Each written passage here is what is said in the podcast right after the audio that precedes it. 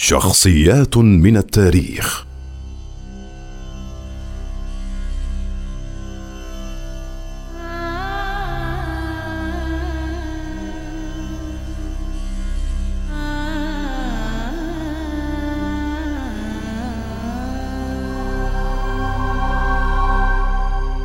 شجرة الدر. كانت شجرة الدر جارية من جوار الملك الصالح ولكنها لم تكن كباقي الجاريات بل تميزت بالذكاء الحاد والفطنة والجمال. كما أنها نالت الإعجاب بفنها إذ كانت متعلمة تجيد القراءة والخط والغناء. أعجب بها الملك نجم الدين واشتراها ولقبها بشجرة الدر.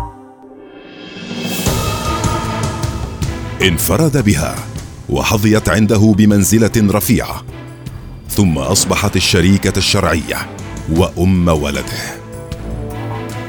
أرسل الأمير نجم الدين في حملة عسكرية بأمر من والده فوردت إليه أنباء من القاهرة تقول بأن أباه عين أخاه الصغير أبا بكر وليا للعهد بدلا منه فكانت شجرة الدر نعم الزوجة. فقامت بتشجيع وتأييد زوجها وساعدته في الوصول إلى حقه المغتصب. سار زوجها نجم الدين إلى القاهرة وهزم أخاه فبلغت شجرة الدر مرادها حيث قاسمت زوجها المجد والسلطة. وحين تعرضت مصر لحملة الصليبيين عام 1249 توفي نجم الدين. فأخفت الخبر عن الجيوش ورسمت هي الخطط العسكرية وساعدها على ذلك الأمير فخر الدين. واستمر الحال في القصر الملكي كالسابق إلى أن انتصر جيشها. بعد ذلك تولت هي عرش مصر.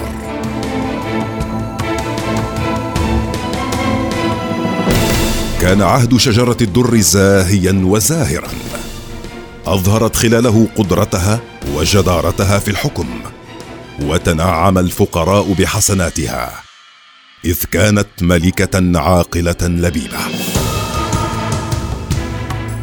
بعد وفاة زوجها تزوجت من الأمير عز الدين أيبك الذي عرف بالملك المعز وبلغها أن زوجها يريد الزواج من ابنة الملك بدر الدين لؤلؤ. فساءت العلاقة بينهما.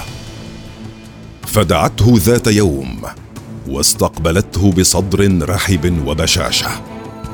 حتى شعر بالطمأنينة. ودخل الحمام.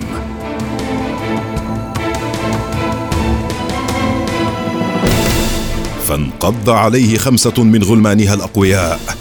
وقتلوه. ولكن شجرة الدر لم تنجو بفعلتها حيث تم القبض عليها من قبل الأمراء المناصرين لزوجها القتيل. وفرض عليها السجن المنفرد ولاقت فيه ألوانا مختلفة من العذاب والهوان. ومن ثم تدخلت ضرتها أم علي وهي زوجة الملك المعز الأولى. وحرضت ابنها علي على قتلها انتقاما لأبيه.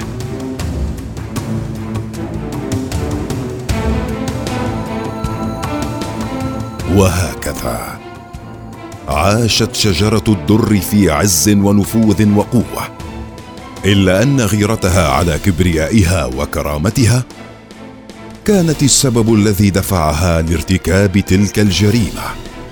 التي أسقطتها من قمة الشهره وقضت عليها.